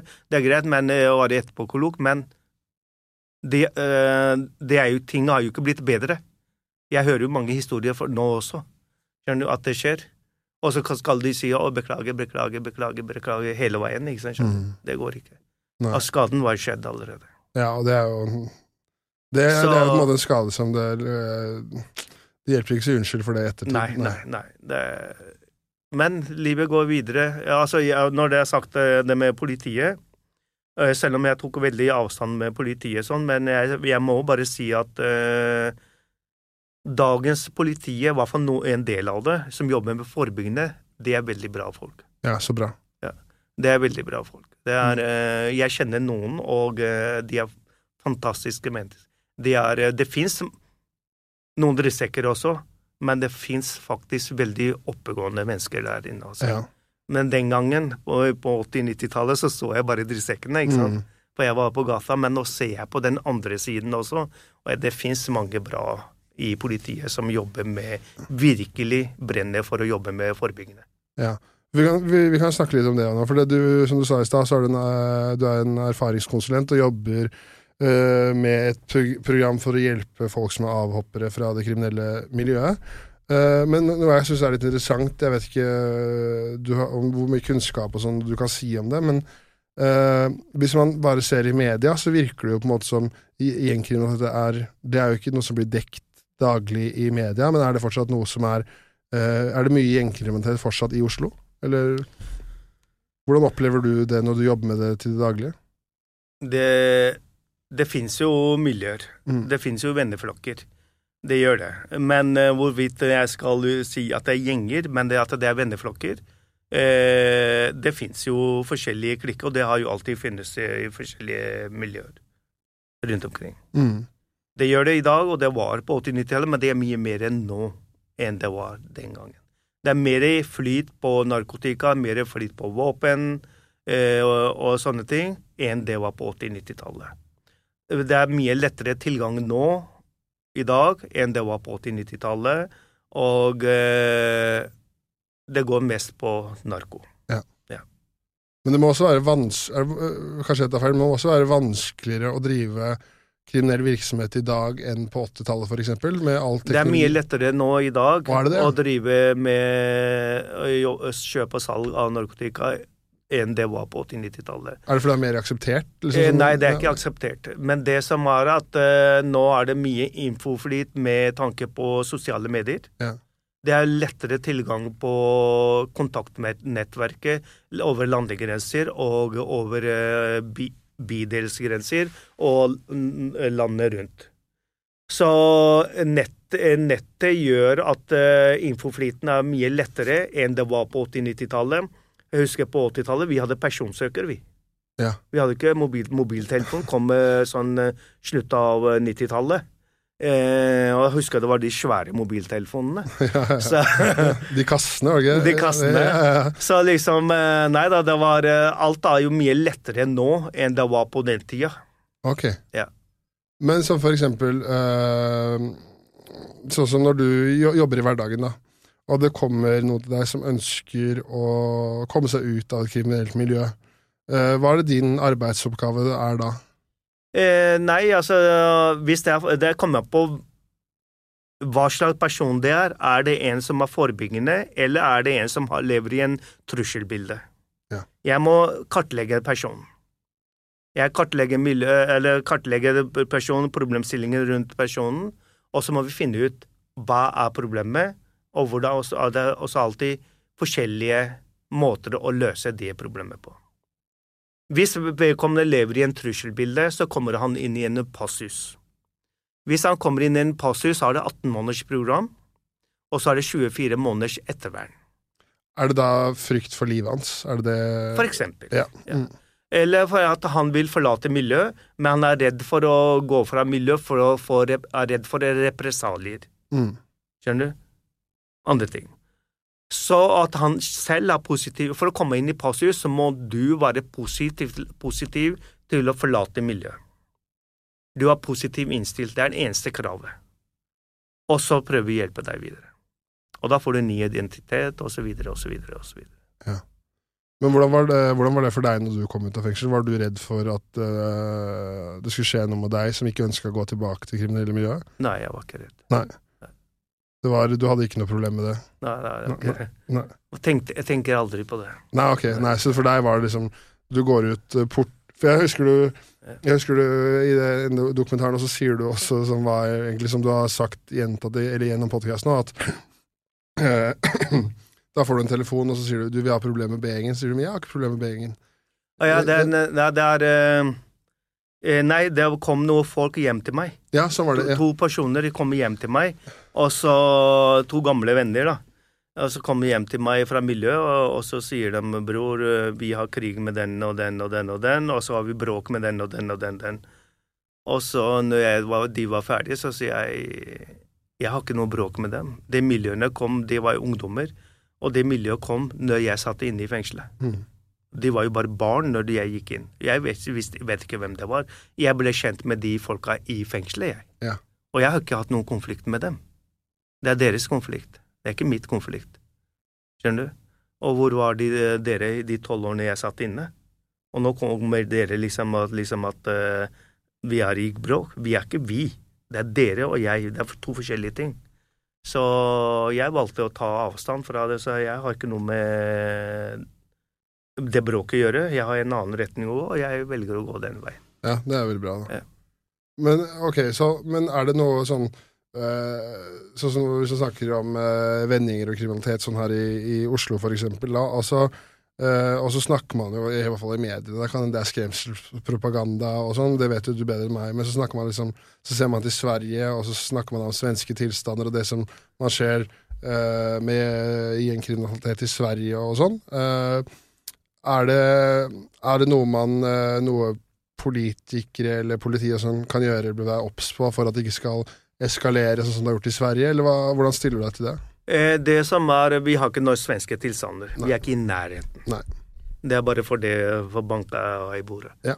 Men det som er eh, skummelt, det er faktisk at uh, narkoomsetning gir så mye profitt at eh, flere miljøer blir pengesterke. Før i tida så kunne de gjøre handlinger selv. Nå kjøper de inn tjenester. Hvis de skal banke noen, vi skal skyte noen, vi skal skade noen, så henter de, betaler de folk til å gjøre, utføre ting. På 80-90-tallet så gjorde man det opp sjøl. Ja. Men nå kjøper de inn eh, tjenester, og så la oss si jeg skal tjene, eh, kjøpe inn tjeneste, jeg skal fjerne noen eller banke noen, og så sitter jeg, har, sitter jeg i Spania eller i Thailand og har god alibi. Mm. Skjønner du? Ja. Og Jeg har alibi, og så vet alle at jeg har konflikt med den personen. Men jeg har alibi, jeg sitter og koser meg, så blir, han, eh, blir, blir ting gjort her i Norge. Og da har man betalt det for å gjøre det. Og sånne ting er skummelt, fordi at det- folk har blitt så pengesterke. Noen nettverk har blitt så pengesterke at de klarer å kjøpe inn tjenester. Er det det, er det, vil du si at det er det som har skjedd i Sverige, når man liksom snakker Mediene snakker om kurdisk rev, og han er ikke så Jeg snakker ikke om noen bestemte miljøer. jeg snakker på generelt grunnlag. Generelt grunnlag. Ja. ja, ok. Jeg går aldri på noe bestemt miljø. Nei, ok. Nei, nei, nei. nei, okay. nei men nei, det er helt fair. Men da, ok, så, men, eh, men da jeg skjønner hva du mener, da. For da blir det jo eh, Problemet da, i hvert fall for eh, de som ønsker å bekjempe kriminaliteten, blir vel at det blir såpass mange lag mellom den, eh, den kriminelle og selve handlingen, da, så det gjør at det blir også eh, vanskeligere å få fatt på Kall det bakmannen, da. Mm. Ja. Det som er at, eh, og det er det som er skummelt, for at eh, mange vet at det er den personen, men de har ikke tekniske bevis til å gjøre, eh, ta den personen. Nei. Skjønner du? For at han har jo hatt et god alibi. Han har sittet i utlandet. Skjønner du? Eller han sitter på en bensinstasjon der det er det kameraer. Skjønner du? Så Ja. Det er fascinerende, det greiene der. Mm. Uh, jeg vet ikke om det er noe mer sånn derre om uh, Er det liksom noe mer uh, Du reiser rundt og holder noen foredrag òg, gjør du ikke det? jeg, Jo, jeg reiser rundt omkring og holder foredrag litt her og litt der, og Ja. er inne i fengslene og er alltid godt å tilbake i fengselet. ja, ja. Det er heldigvis svingdør. Home- sweet home. ja. Men er det, er det rart? For det, i hvert fall sånn som jeg har forstått det, sånn som hvis man snakker om for eksempel eh, gjenger eller MC-klubber eller mafia eller hva det er, så virker det alltid som Det er alltid en veldig sånn fascinasjon for det. Og det er veldig ofte sånn at uh, mange unge mennesker syns det er kult. Uh, er, hvordan er det å liksom dra rundt og møte ungdommer som kanskje syns det du har gjort er kult, da, men måtte forklare de at uh, det høres kanskje kult ut siden realiteten er det helt annen? Realiteten er noe Altså, det er ikke film. Dette da snakker vi om alvorlig. Å sitte i fengsel i flere år, det er ikke kult. Nei. Sitte 23 timer i cella år etter år, det er ikke kult. Bli strippa når som helst på døgnet, det er ikke kult. Og da snakker vi om stripping. Mhm. Skjønner du? Det er ikke kult. Hva er det som er kult med å sitte 23 timer i cella og bare se på TV? Til slutt så går du lei av å se på TV. Hva skal du gjøre da? Nå har jeg vært ute siden 2009. Jeg har ikke sett på TV enda. Jeg, har ikke, jeg ser ikke på TV lenger. Nei, ok. Nei. Det var en de- gjengdebatt forrige uke, og flere som spurte har du sett debatten, så sa jeg jeg ser ikke på TV. Jeg ser ikke, for jeg har sittet og sett på TV i tolv år. 24 timer. Ja. Altså, når jeg enten Eneste gangen TV-en var slått av, det var når jeg var lå og sov. Eller så har jeg hatt på TV hele tida. Mm. Du går lei, Ja, selvfølgelig. Ja. skjønner du? Ja. Og det er ikke kult. Nei. Det er ikke kult å sitte i fengselet. Skjønner du? Og det er ikke kult å bli strippa. Det er ikke kult at andre bestemmer over livet ditt. Og det med penger Easy come, easy go. Mm. er mange Jeg, jeg har ikke Altså, du klarer ikke å investere de svarte, eh, svarte pengene. Du kan kjøpe klær, du kan kjøpe sko, materielle ting, men du klarer ikke å investere de. Nei. Skjønner du? Det går ikke. Og en dag, hvis du klarer å investere det, så kommer det politiet en dag og tar fra deg. Da er du på null igjen. Mm. Da er du på minus. De som klarer å investere på langsiktig og god måte, det er med hvite penger. Det er med hvite penger. Du klarer ikke å gjøre noe med svarte penger. Du?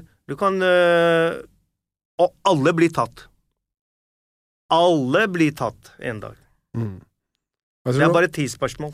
jeg tror også noe, noe man glemmer. Man tenker kanskje at eh, når man holder på som eh, kriminell, så tjener man jo sikkert eh, åpenbart mye penger, men som sier det er svartepenger, det er begrensa hva du får brutt dem for. Og så noe man kanskje glemmer, som sikkert du har opplevd òg, er at det er greit nok når du var ute og var eh, kriminell, så tjente du mye penger, men så sitter du da 18 år i fengsel og ikke tjener penger. Ja. Ja.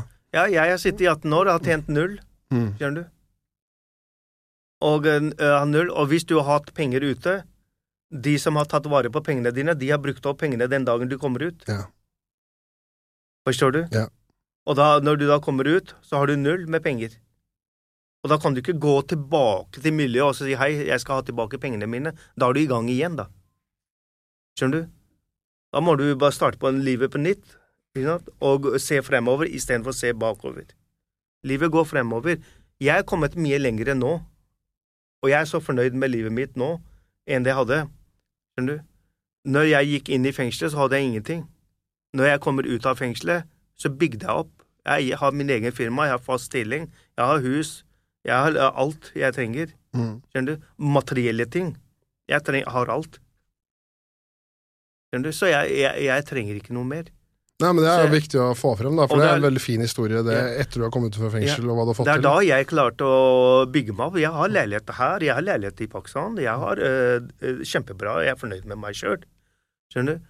Og, og jeg har bra inntekt. Og eh, både fra jobben, fulltidsstillingen, og den øh, gymmet jeg driver. Jeg har det bra. Så Og når mange, mange av ungdommene når jeg holder foredrag, så sier det, vil de gjerne høre historie. Shai, hva er det verste du har gjort? Og jeg forstår jo hva ungdommene vil høre. Ja, ja. Skjønner du? Men jeg forteller det, så sier jeg det verste jeg har gjort, det er faktisk at jeg har svikta mine barn og min familie. Fordi jeg har vært opptatt av et, eh, noe som ikke har hatt noen betingning. Men jeg fant det ut når jeg da barna kom og besøkte meg i fengselet. Ja. Og de som jeg brukte tid på, de svikta meg. Men de som jeg ikke brukte tida på, de huska meg. Ja. Og da var det liksom at jeg har svikta dem. Mm. Skjønner du? Så de jeg, jeg ikke svikta, de svikta meg. Så ballen gikk rundt. ja. Så jeg fikk den uh, tilbake, så liksom uh, Nei, da liksom uh, Sånn var det. Mm. Men sånn avslutningsvis da, så er det jo, er det jo fint å, å nevne, hvis noen skulle være interessert i det, at kan du ikke fortelle bare litt avslutningsvis om gymmen du driver, hvor han ligger, og hvordan dere holder på der, da? Eh, du, vi driver akkurat nå Vi hadde, vi hadde jo, hadde jo På Mortensrud så hadde vi både helsestudio og kampsport og sånn. Men nå er lokalene våre under oppussing og skal eh, lande ny kontrakt. Altså liksom, nå har vi midlertidig flytta inn på Steinbråten skole. Så driver vi med bare thaiboksing nå. Og så har vi på Forandringshuset på Holmlia så har vi også thaiboksing. Vi har barneparti, ungdomsparti, og så har vi en del voksne. Mm. Så vi har mange medlemmer. Eh, og noen konkurrerer. Mange barn og ungdommer konkurrerer. Eh, så da driver thaiboksing, og pluss at jeg har fulltidsstilling i Forandringshuset. Jobber med avhopp i programmet og eh, forebyggende.